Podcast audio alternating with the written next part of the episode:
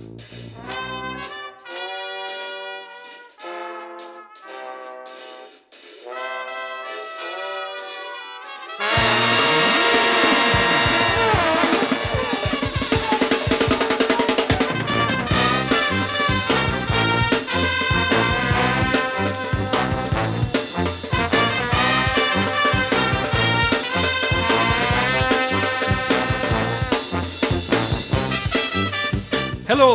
goroeso i benod 15 o Sbeidiau Heilog gyda fi, Lee Jones. A fi, Llwyd Owen, lle byddwn ni'n rhoi'r sylw i'r pethau bach sy'n gwneud gwahaniaeth mawr i ni yn ystod y cyfnod hollol honco hwn. Diolch yn mawr i chi am rando, ac uh, ie wir, uh, penod arbennig iawn i chi heddi. Ac uh, dyn ni ddibynnol arnych chi i'n cefnogi ni, felly tan ysgrifwch, dilynwch ar Twitter at ysbeidiau heipod Ac os ydych chi'n mwynhau, cofiwch i rannu'r benod yma gyda'ch hoff bobl chi yn y byd. Felly, uh, Llwyd, ie wir, uh, penod arbennig, pwy sydd gennym ni heddi? Wel, Lee, dim bob dydd chi'n cael y cyfle i sgwrsio gyda un o'ch arwyr, ond dyna beth sydd ar fi'n digwydd yn y benod yma. Um, dim really angen cyflwyniad arno fe, ond fi'n contractually obliged i wneud un, so here we go. Yn ymuno gyda fi a Lee ar Ysbeidiau heilog heddiw, mae un o gerddorion mwyaf poblogaidd Cymru. Cyn aelod dau o fandiau mwyaf dylanwadol y sîn roc Gymraeg, sef Fa Coffi Pawb a Super Furry Animals, sydd beth, bellach yn rhyddhau cerddoriaeth o dan enw ei hun. Ar ben hynny, mae ein gwestai wedi cydweithio ar rhai o enwau mawr y byd cerdd gan gynnwys mogwai, Gorillas, Africa Express, Danger Mouse, Sparkle Horse, Manic Street Preachers a Deira Soul. Ac hefyd wedi rhyddhau dau albwm anhygol o wych gyda'r cynnyrchydd Boom Bip o dan yr enw Neon Neon. Dyma Renaissance Man go iawn sydd hefyd yn ffilm star yn awdur, cyfansoddwr traciau sain a creo'r y sioe theatr gerddorol gwrth gyfalafiaeth Candy Lion. Mae yn newydd rhyddhau ei seithfed albwm solo, sef Seeking New Gods, ei record gyntaf i gyrraedd dig uchaf y siartiau. So croeso cynnes iawn i'r sioe i Griff Rhys. Oh. Oedd hwnna ddim yn dod hanner beth ti wedi gwneud i fod yn onest. Oh. Gallwn ni wneud lot mwy. so yeah, ti'n dyn prysur. A diolch yn fawr i ti am ddod ar y sioe, Griff. Ni'n gwerthfawrogi fe'n fawr. Um, yeah, yeah ti'n siŵr bod yn siaft, man? Chris Ymawr. Ie, uh, yeah, felly, felly uh, y cwestiwn mae pawb eisiau gwybod, a mae pawb wedi bod yn gofyn am, am ddegawd, a mae pawb eisiau gwybod beth yw hoff gaws Griff Rhys. uh, Wel, dwi'n dwi apus i gael unrhyw gaws yn amlwg, fatha... Um, dwi... so, ie, yeah, neu, neu fita unrhyw gaws, mae'n fatha cawsydd diddorol America, fatha spray on cheese, ybda? Oh, aerosol. Yeah, can, ie, ie, ie. Felly mae hwnna reit diddorol, neu fita hwnna hyd nod. Uh, a wedyn, um, mae yna gaws cry o Gymru'r nhw hafod, dwi'n prynu pam dwi'n gweld o ar werth rhywle. Mae hwnna'n ma gry ac y dda. Mae, um, oedd gen fy nhad hoff gaws o'r enw uh, Appenzeller. A felly, os dwi'n gweld hwnna ar werth yn Tesco yn rhywbeth achlysurol neu weld neu uh, dwi ddim yn gryfyddol, sgynnu fi ddim ffordd o gyfathrebu fo fo, neu brynu hoff gaws fy nhad a blasu fo i weld fatha, mae rhyw fath o gyfathrebu fatha be oedd o mewn i. Fo cymun. um, a wedyn, um, ie, yeah, ond uh, Pa, pa fath o gaws neu... di hwnna te? Di'n feddwl uh, neu... Dwi, o, dwi'n gwybod, mae o fatha drewllyd iawn um, a fatha rhywle rhwng calad y meddwl am hynny. Mm. Um, a wedyn, o na i ddeud uh, i uh, ysbeth fi stopio siarad neu jyst ddeud hafod. O'n i, yn um, mwy lucky dynod o'r blaen. Um, o'n i yn y gogs wrth nes diwetha. Oh, a mae yna ma fferm fel um, cooperative farm neu rhywbeth yn mwy lucky. Ti eisiau fod yn ymwybodol ohono fe, Griff. Um, Ie, um, mae yna beth anygol yn Dyffryn Ogwen. Mae yna um, ma hefyd gwasanaeth um, sy'n dosbarthu'r bwyd. Oes, yn yr un lle, so ni'n siarad am, am, yr, am yr un lle, mae ma fath, fath o, so mae yna siop fferm sy'n gwerthu pob math o blanhigion a cynnyrch lleol a nes i gael um, nes i, nes i nath yn ffrind i uh, um, Pilch brynu dau gaws lleol i fi sy'n cael ei gynhyrchu yn Moelygu.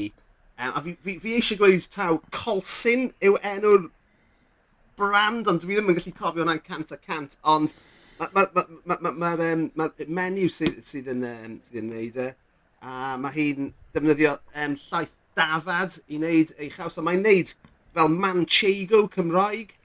Dwi'n meddwl bod nhw wedi cymryd drosodd y hen eglwys gatholig Bethesda, sydd fatha adeilad uh, modern. Um, dwi'n gwybod sa'ch chi'n galw fo'n brutalist neu rhywbeth, ond... Ie, yeah, ti'n ti gallu adnabod nhw'n dweud pan ti'n gyrru heb yn nhw rai kind of canol y ganrif ddiwetha, ti'n gallu adnabod nhw'n syth bin fel, ti'n bod, Eglwys Catholig yn dych chi? Uh, a maen nhw'n ma nhw dyna maen nhw'n neud y caws, dwi'n meddwl. Ie. Yeah. Oedd Pilch yn gweithio fi bod y fenyw yma, y cwmni yma, ac eto dwi'n ymddiheirio am, am ddim cofio beth yn union yr enw'r cwmni, ond oedd hi'n gwestiwn ar Mastermind ne, um, yn ddiweddar. So oedd, oedd rhywun ar Mastermind wedi dewis fel specialist subject fel The Cheeses of Britain neu rhywbeth fel yna. Ac oedd y caws yma o foelygu uh, Dyffryn Ogwen yn gwestiwn neu'n ateb ar, yr, uh, ar, ar mastermind yn reit ddiweddar. Waw. Ie. A fi'n pwynt y byd bys e'n gwybod yr ateb, ti'n fawr, ond uh, chwarae teg, o'n i'n meis gyda hwnna. Um... Mae yna... Ia, yeah, sy'n rhyw cysylltiad efo'r band Calan ydi... O, oh, oh, fel... oh ti'n fawr be mae hwnna'n canu cloch nawr? Fi'n meddwl, fi'n meddwl taw hi yw mam un o aelodau Calan Yeah. Mae hwnna'n rili really uncanny cloch. Nath, nath Pelch fi'n siŵr ddweud yna arthau. Ti'n iawn. Yeah. Hmm. Falle, falle ddylen ni'n gwneud brand tie-in. Cael, uh, yeah. cael y band yn hyrwyddo'r caws a'r caws yn hyrwyddo'r band. Yeah. Oh, yeah. definitely. Mae angen sponsorship yn ni yn does ni. So, um... Oes, ie. Yeah. Felly, ie, yeah, yeah, pam, pam lai cael cwmni caws i, uh, i sponsoro ni lle mae un ohonyn ni ddim yn hoffi caws. O, oh, bys yna'n disaster i ti. Just boxes a boxes lle dwi'n gallu bwyta fe. so, ti di, ti di teithio'r byd hefyd, hefyd Griff? Wyt ti'n, ti'n ma, wyt ti, wyt ti yn mwynhau fath fatha sampler bwydydd tram o'r wyt ti'n foodie, ti'n mo? Beth, beth yw'r yeah, tref yn amser ti'n teithio? Ie, yeah, mae'n eitha hapod amwain, ond sgynna fi ddim um, ffobias mawr ydyn.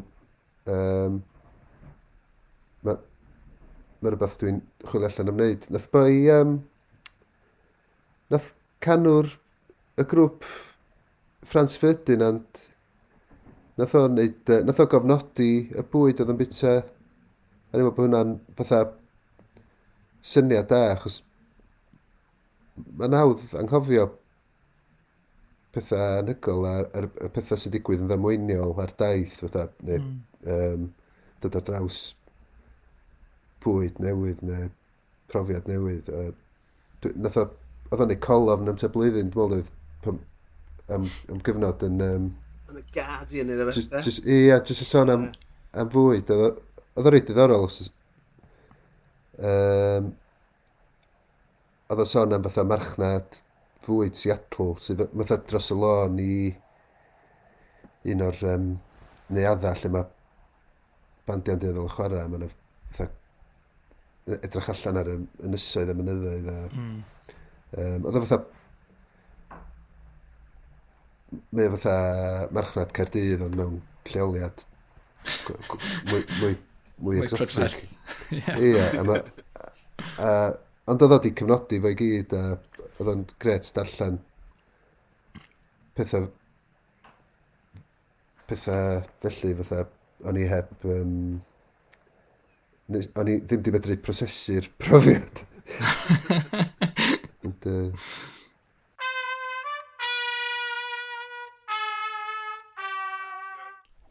So Griff, dyn ni yma i siarad am y pethau bychan sy'n gwneud gwahaniaeth mawr i ti ar hyn o bryd. Felly, beth yw'r peth cyntaf sydd yn gwneud gwahaniaeth i ti ar hyn o bryd? Um, Wel, sy'n i dweud fatha...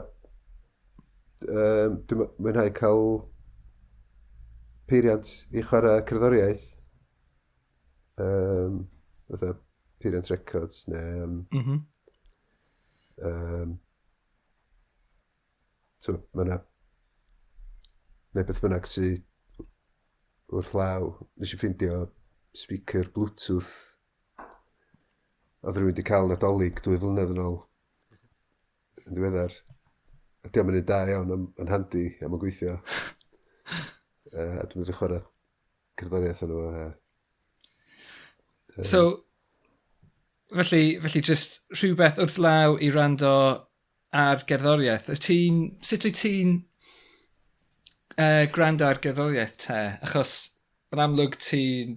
Wel, ti'n gwrando ar lot yn dweud ti, felly um, wyt ti'n mynd allan o dy ffordd? Wyt ti'n weithgar iawn yn chwilio am gerddoriaeth i wrando arni? Neu wyt ti just yn gwrando ar beth sy'n dod o dy flaen di fath o beth? Um, a dwi'n dwi, dwi gymharol Tywed, dwi, dwi yn chwilio allan am bethau, a dwi'n archebu pethau trwy'r post yn achlysurol, a dwi'n rhoi darcheb i mewn efo spillers pam dwi'n gweld ie, os oes yna beth dod allan, neu... Um, ie, ac os, os, os di o'n rhywbeth... Mae'r artist jyst yn gwerthu'n uniongyrchol neu rhywbeth neu Mm. Neu Neu'r iaff um, fatha chydig o recordio bob blwyddyn, ond, ond um, dwi ddim, cys mae na, dwi'n abod pobl sy'n fatha artists graffeg a bethau, maen nhw'n i weld e, yn, uh, efo casgliadau lot mwy trylwyr na fi, ond um, Os na, os na genres penodol ti'n gwrando arno Griff, neu ti'n meddwl, os na fath o go-to artists neu bandiau dy ti?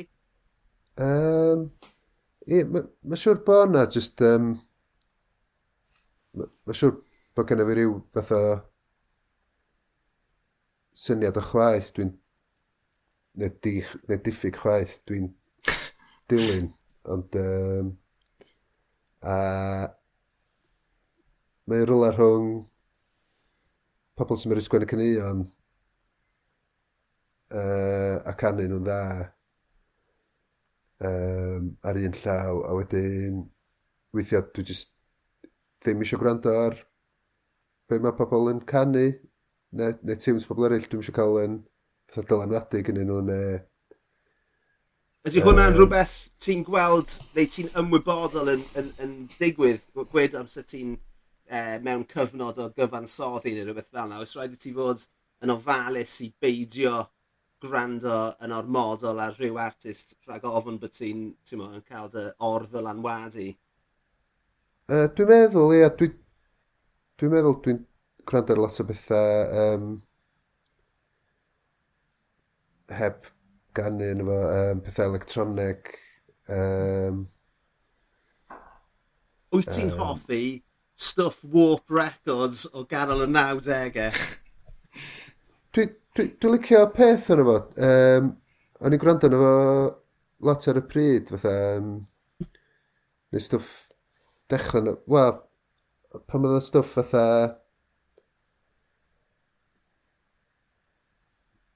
Ie, dwi'n cofio y stwff fatha Black Dog a beth felly. Uh, um, um, yeah.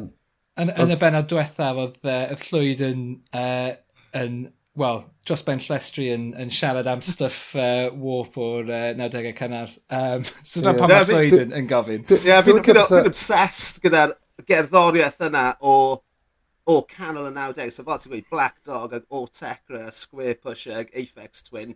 Dyna mm. beth fi dal yn gwrando arno heddiw. Fi'n fi yn hoffi gwrando ar, ar gerddoriaeth newydd, ond fi, fi yn cael nenu nôl at, at fy mhlentyndod bron, sy'n, sa'n gwybod be mae hwnna'n gweud amdana i, ond, uh, ond ie, yeah, ma, ma, ma, a, a, hefyd, fel, fel awdur, ma, ma, ma, fi'n ymwybodol bod fi, yn ystod cyfnod y ysgrifennu, dwi'n ymwybodol os dwi'n darllen um, awdur neu arddull penodol o lyfr yn aml, na i watwar yr arddull yna hefyd. So mae fe'n rhywbeth mae rhaid i ni fod yn eitha uh, ofalus gyda fel pobl creadigol, fi'n meddwl.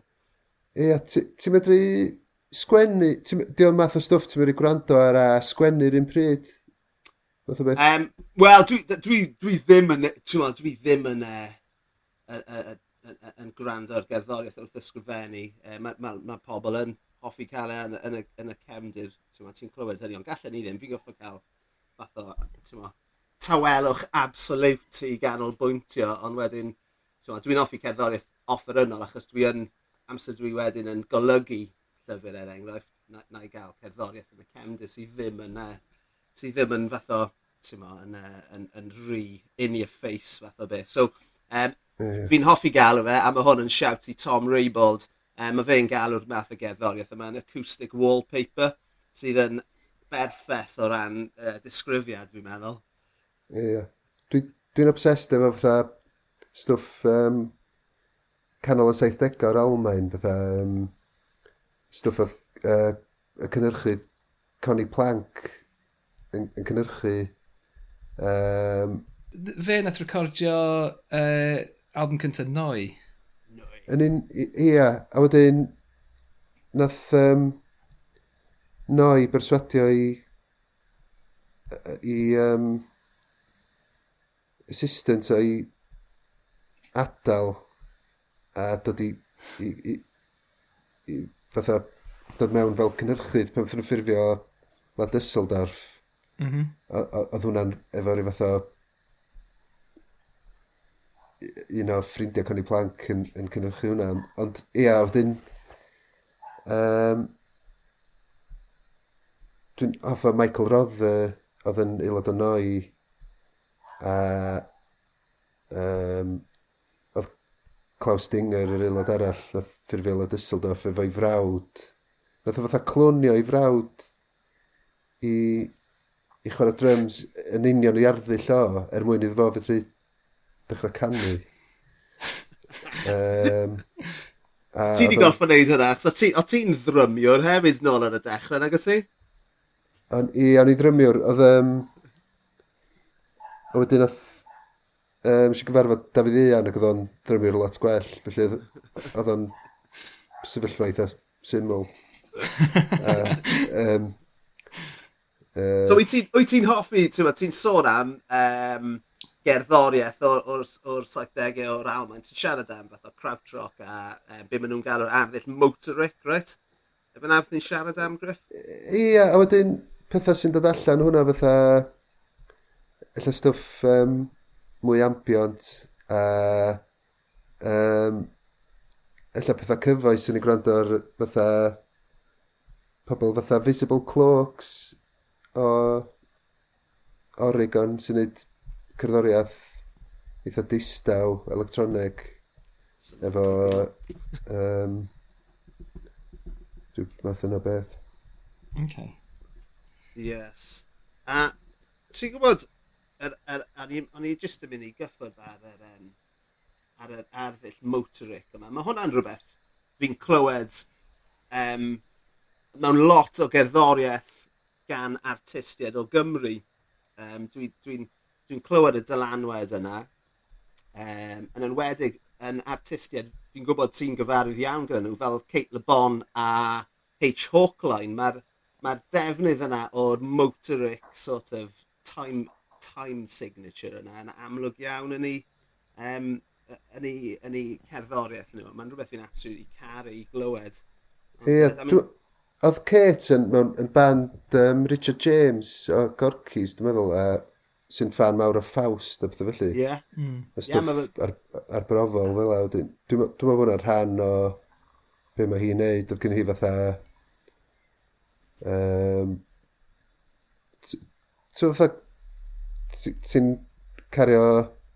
Wel, yn y cyfnod o recordio corfforol, math o beth, oedd... Dwi'n cofio... Oedd... O'n i'n cario rhai casetiau rhwng efo fi, a sy'n rhan fwy o'n nhw'n mynd ar goll.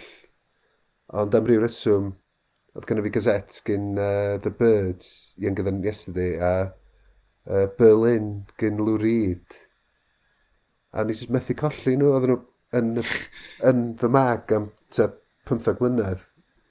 Um, uh, Dwi'n dwi meddwl, a beth dwi'n cofio, pan oedd Kate yn byw'n Caerdydd, oedd efo um, album Sid Barrett ac album Faust yn ei car. A illa rhain oedd rhain na ddim mynd ar goll. ne. Yeah. Um, a mae'n ma, fatha... Um, mae'n ma, ma, ma aml yn hapa damwain. Dwi'n meddwl beth ti'n gwrando ar drosodd a drosodd. A, um, just, just rhywbeth damweiniol yn y trach na. Mm. Os na, um, twa, ni'n obviously siarad am Kate Le Bon fan hyn, os na, os na artistiaid arall o Gymru ti'n ti gwrando arno, ti'n ar hyn o bryd, ti'n ti mynd â dyfryd di? Ie, o, wel, mae'n rhywbeth da bod bwsos, does? Mae'n oh. ma ma cyfnod gret. Um, yeah. A wedyn... Um, dwi, oh, dwi bod gwrando... Ie, mae'n just gymaint o stwff da. Mae stwff... Um, beth di bod yn ddiweddar... Wel, ddim yn arbennig o ddiweddar, ond stwff Pys Melin. Mm. A mae gen album newydd allan cyn bo hir, yn does? Oes. Uh, Oes diwedd yr wythnos... Wel, dwi'n erbyn i... Erbyn i... Uh, erbyn i'r benod yma mynd allan, dwi'n meddwl bydd yr album yn dod allan. Ys di ar draws Peace Melin gyntaf, Griff? So, Maen nhw'n fand ifanc o ben llun, fi'n meddwl, ydyn nhw? Yndi, oedd um, Sean Glyn, oedd yn sôn amdanyn nhw, sy'n chwarae yn y niwl ymysg peth eraill. Uh, oedd o'n dysgu gitar yn Bethesda, oedd o'n dysgu um, y, a beth enw'r cynhyrchydd y band, um, a nath o gyrraedd pwynt, oedd Sean yn dweud lle, oedd Sean di gorau dweud fo, dwi wedi dysgu pob dim dwi'n gwybod, dwi'n methu dysgu dim dim arall. a wedyn, Oedd yn dweud, mae rhaid chdi wrando ar stwff y boi ma, dwi wedi gorau stopio dysgu fo. Wel, dyma, dyma'r ail waith i Sean Glyn cael shout-out ar y podlediad yma. Nath, nath Elin Fleer uh, sôn am Sean Glyn hefyd. Yng nghyd-destun caws, fi'n meddwl oedd hynna. Fel yeah. dyma, hytrach na cerddoriaeth. ym hob man. Mae ma Sean yn anhygol, achos mae'n... Um, Dwi'n modd... Neu gigs, mae Sean, achos mae'n um, casglu cerddoriaeth ac yn... Um, yn, ar dan am rannu cerddoriaeth a mae ma hmm. chwarae mm. tunes yn y fan a um, mae ma DJ anygol mae ffordd. Sio gen ti ar... Sorry, ni. Sio di ar draws Sean gynta, Griff? Lle nes di gwrdd o fe? Um, nes i gwrdd o pam ni ta... O'n i naw oed, a ni di torri yng nghoes uh, yn ddrwg. A uh, o'n i off ysgol am dri mis. A uh, um, a ni mewn plaster fyny at, um, bron fyny at yngwddw. Oedden nhw wedi gorau rhoi fy nghorff cyfan mewn plaster. Coesau hir, dy ti. Ie, a wedyn, um, nath, um, ond, o'n i'n sbytu am rhyw fus, a wedyn, o'n i adre am rhyw ddefus, a wedyn, dwi'n meddwl mam yn abod mam Sean, oedd nhw draw am benod y de. Um, dyn dyna tro cyntaf eisiau gyfarfod Sean, o'n i'n y gwely. Na, o'n i ddim o'n gwely, o'n i fatha lawr yn lle bod fi'n cysgu yn y lloff, wnaethon nhw roi fi yn y stafell fyw ar fatha matres. Ar, oedd ar... Um, ond fatha top, fatha top desg. Nath fy mam roed casters ar y ddesg, ar, ar y wel, fatha darn o bren mawr. Uh, o'n i'n medru fatha... Oedd o fatha skit bod anferthol, ac o'n i'n medru fatha nofio rwnd y tŷ. uh, ond o'n i medru... Ie, yeah, gwylio teledu efo pawb a pethau, jyst bod fi'n gorfod ar y llawr. Ideal.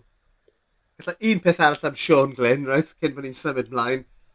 And so nes i, nes i ddod ar draws Sean, a mae Sean yn fatha unsung hero o'r, or, or scene rock Gymraeg. Right? Mae fe wedi bod mewn gymaint o fans, a mae fe'n um, yn gerdd o'r anhygol. Ond amser nes i ar ei draws y gyntaf, amser ni tua 16 oed, fi'n meddwl yn, yn um, eisteddfod glynydd, fi'n meddwl, oedd e'n ôl yn 1994. Ac o'n i mewn band o'r enw Superfuzz, a oedd Sean mewn band o'r enw Val Stumps, ac oedd y band Val Stumps wedi cael ei enwi ar ôl driving instructor y, y boes oedd yn y band, menyw o'r enw Val oedd heb goesau. so, oh, mae'n ma enw amazing ar band, yn ego. Val wow. Stumps. wow, dwi'n mwyn cofio Val stumps o gwbl. Ie, yeah, fi'n meddwl, fi meddwl so, o'n nhw o gwmpas am fath o'r haf yna yn 94 a wnaethon nhw chwarae cwpl o gigs yn yr Ysteddfod a that was it. Ond ie, yeah, oh, Val Stubbs. Mae'r enw wedi aros yn ymhen i, a, a hefyd, nes i, nes i enwi cymeriad heb goesau yn un o'n nofelau yn Val Stumps. Er, mae doff, doff my cap i, i band, un o bands cyntaf Sean Glyn. Wel, dwi'n meddwl bod fi mynd i weld gig Ella um, Palader yn ystod o... Dwi'n meddwl, nath Gorcis chwarae efo Paladin er yn agor neu beth allu. Falle wir, ie. Yeah. Yn ystafod yna, dwi'n cofio, jyst mynd am, hwnna, dwi'n jyst yrru am un noson, dwi'n meddwl. Um, a uh, nath Paladin droi'n topper yn diwedd o, uh, nath Sean yn uno efo nhw. A wedyn, gyda ni'n arresti o'r ffordd nôl, dwi'n meddwl, nath yr heddlu stopio'r car, a beth, nos o fawr.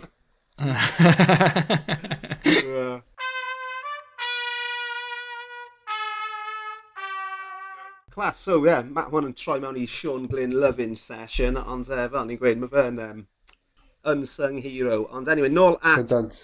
fully sung hero, Griff Rhys, beth yw'r ail beth sydd wedi bod yn neud ti'n hapus uh, yr wythnos hon? Um, oh, yr wrthnos yma.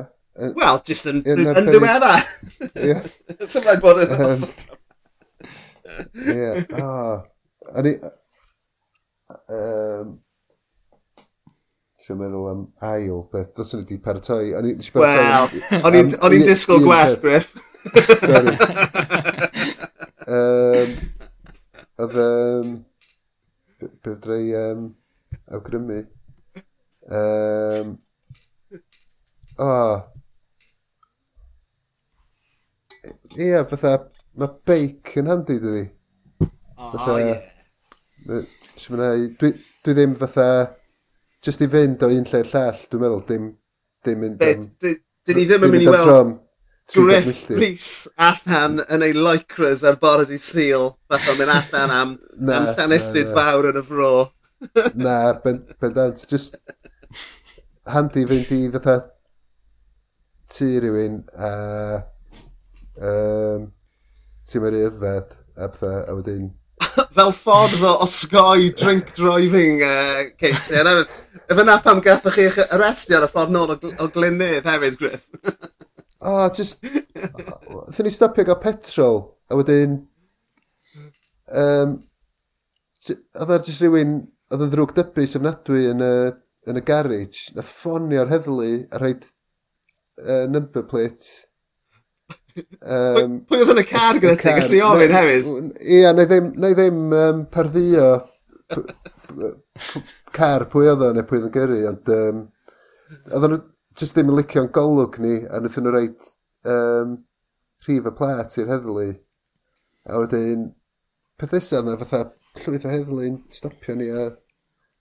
A ddo, ie, hollol. Nawr, nawr, os gallwn ni fynd nôl i'r cyfnod yma, sut fath o olwg oedd arnoch chi Griff? Ydw i'n cofio nawr bod gyda ti uh, White Boy Dreads ar un adeg uh, yn y cyfnod yma? Wel, jyst fatha gwell bler, siwr o fod. Ond oedd hynny, oedd hyn bell... Um, Ie, yeah, ti'n bod, oedd hyn jyst um, llan car o Um, hogia drwg. Ie, dwi'n mynd i ddweud. Hogia drwg. Hogia di niwed. Pobl ifanc. Ond ie, so beic. So ba fath o feic sy'n gyda ti, Griff? Wyt ti, ti ar y Brompton neu wyt ti ar, uh, ar beth? Dwi'n siŵr beth di enw fo, nath... Um, nes i dreu'n hanner cant. A nath... Um, fatha... Y teulu yng Nghaerdydd... Um, fatha dau neu tri teulu agos, uh, gasglu arian i brynu beic a'i law. Um, o'n i yn hollol yn isgwyl.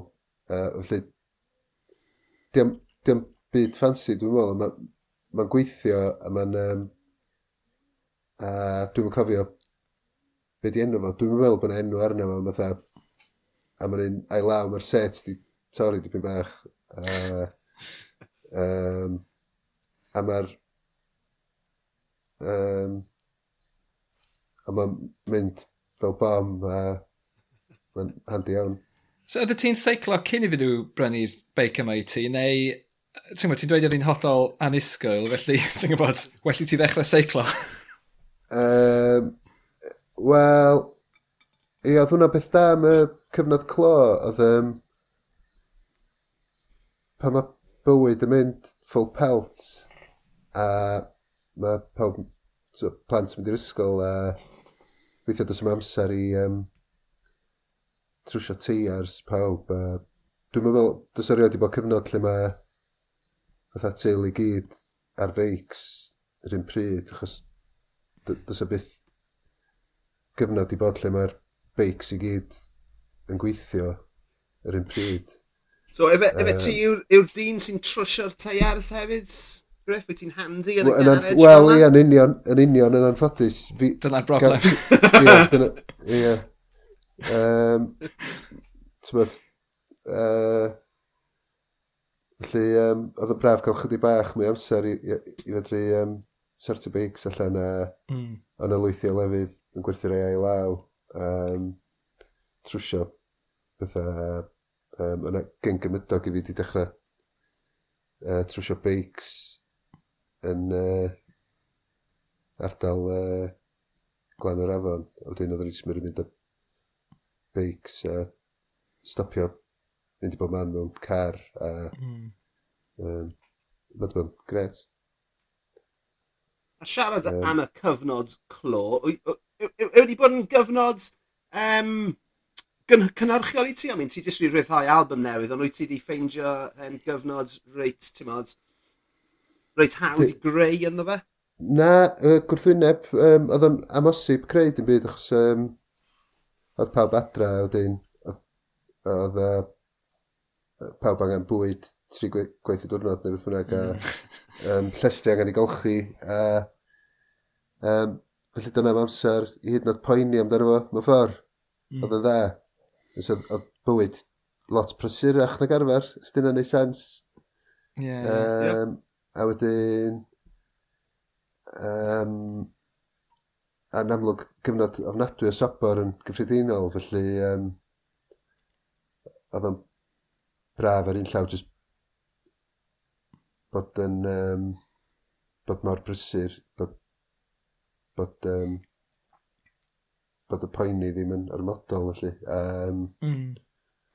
Wel, gyda y, y profiad ges i oedd um, nath fy merch i ddechrau cerdded yn ystod y cyfnod clo cynta. So, os o'n i yn y gwaith, byswn ni ddim di cael gweld hynny, byswn ni ddim di kind of bod yna ar gyfer uh, eich yma cynta hi. So, ti'n gwybod, mae, ti'n gwybod, er fod hi wedi bod yn um, gyfnod erchill mewn gymaint o ffyrdd, ti'n gwybod, just y, y, y pethau bach fel hynna sydd wedi kind of, uh, ti'n gwybod, mae wedi kind of denu pobl at ei gilydd mewn ffordd a mae wedi kind of...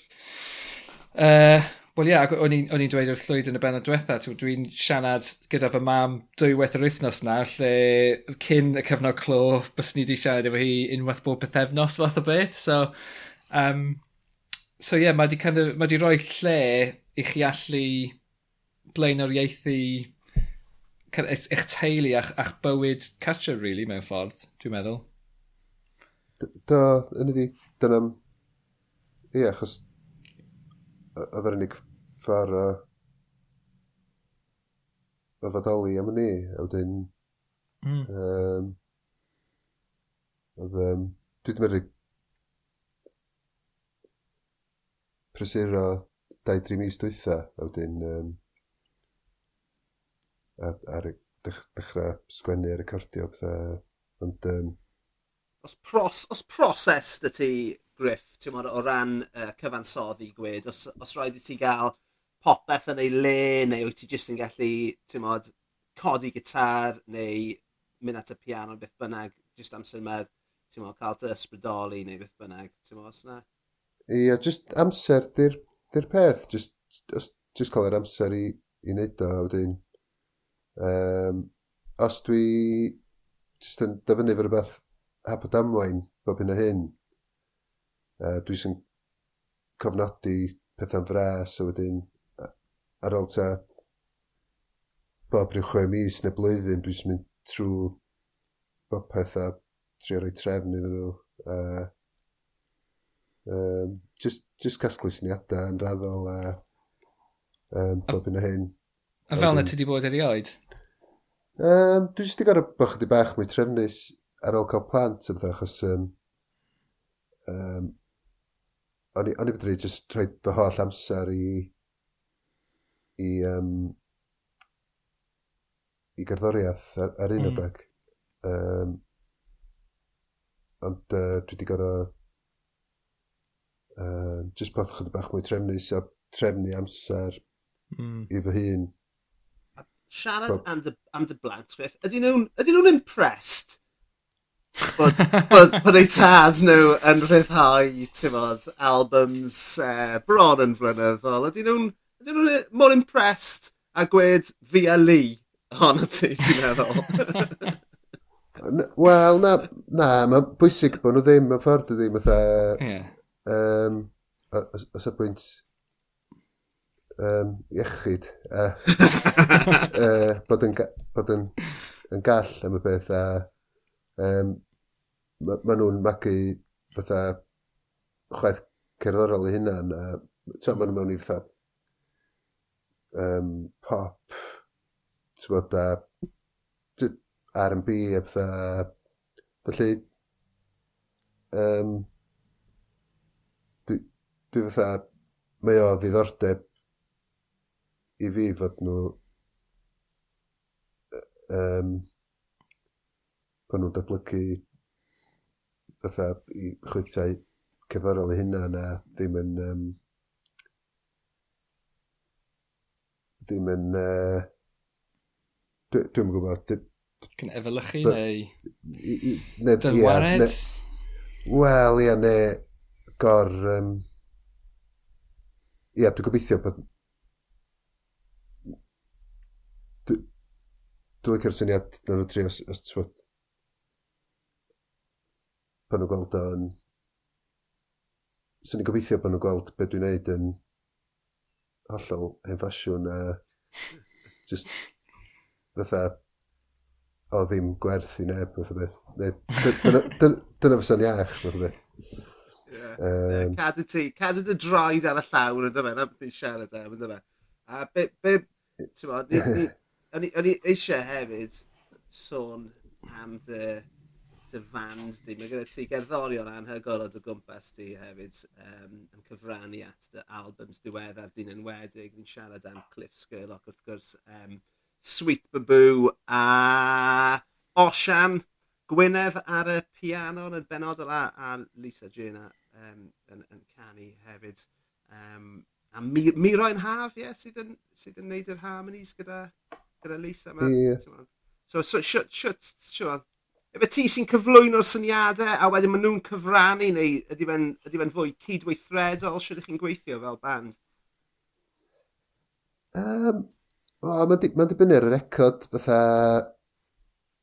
Um, ond yy, ia, efo, efo Seeking New Gods, oedden ni'n... Um, Nithon nhw chwarae chwarae'r Babelsberg a Seeking New Gods. Ia. Yeah. Um, a addosian a Cliff ar American Interior hefyd.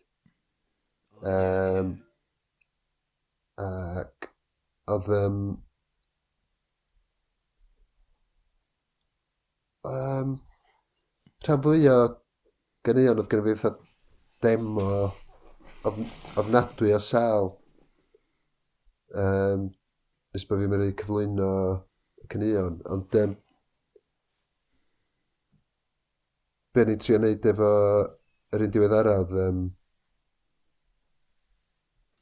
uh, trefnu rhywbeth fel grŵp uh, efo'r gobaith y recordio rhywbeth yn fyw um, uh, maen nhw'n gerddorion hollol, hollol anygol um, uh, um, oedden ni'n recordio oedden ni'n teithio record o'r nhw Babelsberg Um, a wedyn o'n i wedi dechrau cyflwyno'r cynnion yma mewn soundchecks ac oedden ni'n uh, trian yn y prawn a wedyn uh, a wedyn lluchio nhw mewn i'r set yn y nos a wedyn erbyn diwedd y daith yna rhyw um, yna rhyw hanner dwsin o o gynnion oedd yn gweithio.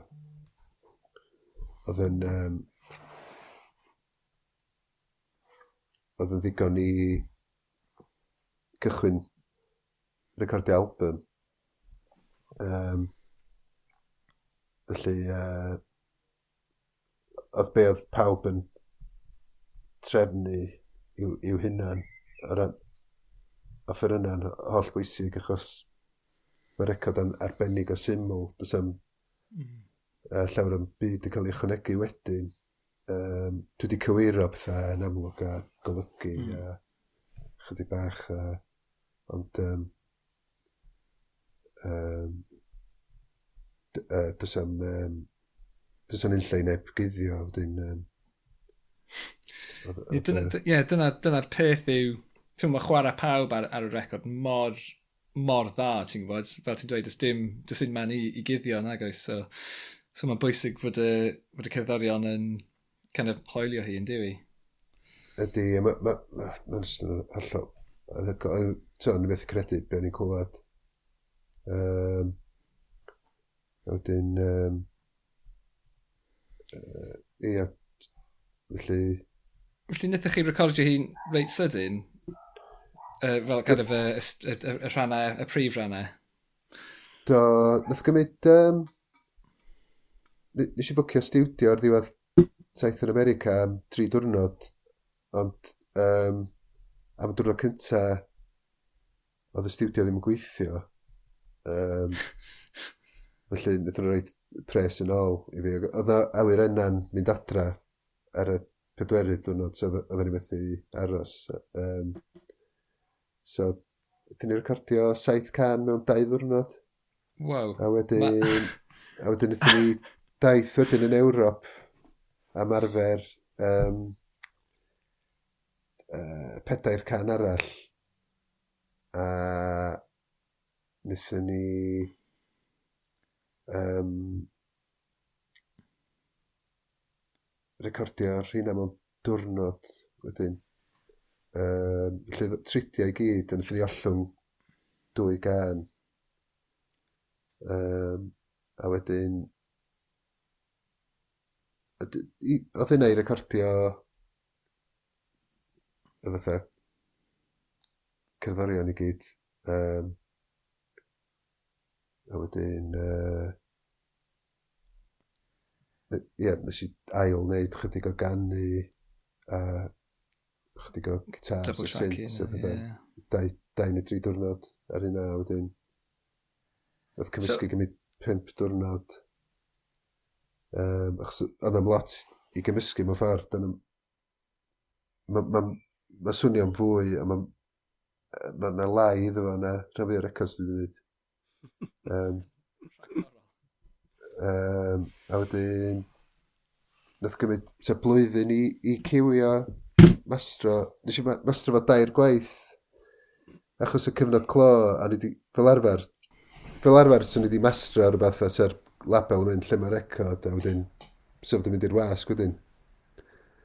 Um, ond achos mae yna fwy amser um, gathon ni mastro ta tair gwaith a i ail i cywio a wnaethon ni fatha o'n i'n eistedd fo Cliff Sgyrloc yn fatha siafio ti'n bod, um, pegynna Sonic um, am i ffwr o'r, or master ar y cyfrifiadur a pethau cael gwerod o clics a she's, uh, pethau dwi byth yn neud fel arfer. Ne, ne, pethau, so, pethau ti prin y sylwi ers wedyn efo, efo hon. Yn eistedd efo misoedd a misoedd o ail rando a thyru fi'n hollol yn diwedd.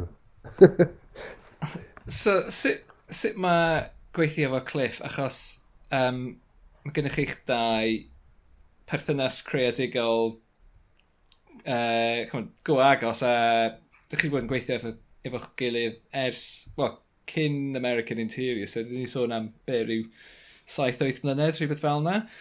Um, a dwi'n dwi nabod Cliff a dwi wedi gweithio efo Cliff a um, a mae'r ma ddau ohonych chi yn taro fi fel personoliaethau hollol gwahanol o ran um, y ffordd ydych chi'n mynd at recordio. Um, achos mae ma, ma Cliff yn, ti'n bod, fath o perfectionist yn diwe. Um, nid, nid fod ddim gen, gen y ti safonau uchel wrth gwrs griff. Uh, ond lot, lot, lot o'r amser pan dwi'n gweithio efo Cliff, mae ma na mae ma e'n poeni am y pethau dys neb arall yn poeni amdanyn nhw, os ti'n gwybod beth dwi'n meddwl. Fel, fel ti'n dweud, ti'n ail mastrog i cywio'r pethau dys neb yn cael y sylwi. Ie, bendant, trwy gyddigwyddiad. Trwy gyddigwyddiad mae... Dwi'n meddwl bod Cliff ac Ian yn rhannu pen blwydd, mae'r ma ddau yn... yn um, jyst efo gwybodaeth technegol anhygol a... Um, y ddau yn bobl sy'n gweithio mewn manylder anhygol ac yn um, yn deall um, technoleg uh, mewn ffordd anhygol. Um, a wedyn, um, dwi'n, dwi, ie, efallai bod fi'n gweithio mewn ffordd mwy hapod amwain a um, ie, mae'n um, ma beth gwych iawn nabod y fath bobl. Um, ac um, ma, ma, yeah, mae Cliff yn ddiddorol iawn. Mae'n... Um, ac, ac efo... Um, chwaith cerddorol bendant a... Um, um, a mae o'n mastro rec recordio pobl a... Um, uh, yn uh, gredwr cry mewn um, rhyddhau pethau mewn resolution uchel. Ie, ie. Dwi'n gallu... Mae ma na... Wyt ti wedi cael rhyw kind of cyfnewid fa ddiwylliannol rhwng dy ti a Cliff? Achos mae ma wedi, obviously, dysgu llwyth am gerddoriaeth Cymru a, a, a cherddoriaeth Cymraeg. Um, ydy e'n chwarae pethau fel, dwi'n gwybod, uh, Black Oak Arkansas a pethau fel yna i ti. ydy, ydy, na, bendant, um, mae o'n... Uh, dwi wedi ddysgu lot am gannu gwlad. Ie, ie, ie. Trwy cliff, so... Um, gwrando lot ar... Um, dwi wedi dysgu lot am... Uh, fatha cantorion outlaw mm. country, math o beth. Um, Uh, um, Mae'n dod o uh, Topeka, Kansas, uh, lle mae'r um, y gwell, gwellgof bobl crefyddol sy'n protestio yn erbyn... Um, oh, ie, ie, ie, yeah. Er, um... Westboro oh, Baptist Church. Dyna nhw, ie, ie. Um, a wedyn... Mae Ond wedyn, nath o symud i'r tre coleg agosa. Um, e, uh, digwydd bod pan oedd William Burroughs yn, yn byw na, felly oedd o'n oedd o'n fatha ffrindiau agos i William Burroughs uh, pobl wedi, uh, oedd o'n um, uh, o, o pan oedd o'n 16 tan, tan marolaeth i, i farolaeth oedd o'n uh, agos iawn iddo fo, felly mae ma, ma, fo stori sollol wallgo. Ie, yeah. mae ma, ma Clifford yn nabod llwyth o bobl achos oedd e, ti'n modd, yn, yn rhan o'r sîn mawr yna pan oedd e'n byw yn Kansas a ti'n oedd e jyst yn nabod pob band oedd yn dod trwy oedd e'n cwrdd â nhw a ti'n yn achos, achos mae'n ma glen, mae'n dod yn ffrindiau gyda nhw, so ie, yeah, llwyth o straeon gyda fe, yn does? Oes, a, allol, allol, allol. Um, Griff, fi'n meddwl gallwn ni uh, ddirwyn uh, sgwrs i ben ma. Di eisiau diolch i ti eto am gadw cwmni ni ar y benod yma. Um, a os yna unrhyw sioe byw neu rhywbeth yn dod lan gyda ti a'r band yn y, yn y dyfodol um, agos? I, os di o'n saff, fyddwn ni chwarae um, Focus Wales yn Drexam a rhywbeth fatha Dwi'n cofio hydref yr wythfed neu'r nawfed, dwi'n cofio yeah. yn union. A mae yna cwpl o gigs De Cymru i'w gyhoeddi a, a gig yn Bethesda awst 28, beth felly. Um, ond, um, mae'n os di'n sta... So, os, os di'n saff i fynd allan. Wrth gwrs, wrth gwrs. A, a unrhyw... taith yn yr hydref? Taith yn yr hydref. Gobeithio Ie, so, falle geithio i... Dwi'n cynllunio ar gyfer taith, a wedyn gobeithio ddigwydd eitho. A os, os ddim, mae'n oce. Okay. Ac i, i unrhyw un o'n gwrandawyr sy'n heb brynu uh, record Griff eto, mae Seeking New Gods allan nawr a mae'n anhygol o dda. So, diolch i ti eto, Griff. Um, a, yeah, cadw i wneud beth i wneud. Ie, yeah, a chi dda, a diolch, diolch am y sgwrs. Uh, uh, ie, cadwch chi'n neud yr holl beth ydych chi'n neud. diolch yn fawr, Griff. Nice one, man. Diolch yn fawr.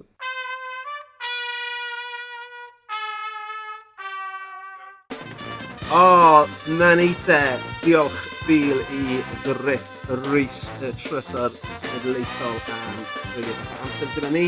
Um, so ie, yeah, just diolch i chi am rando.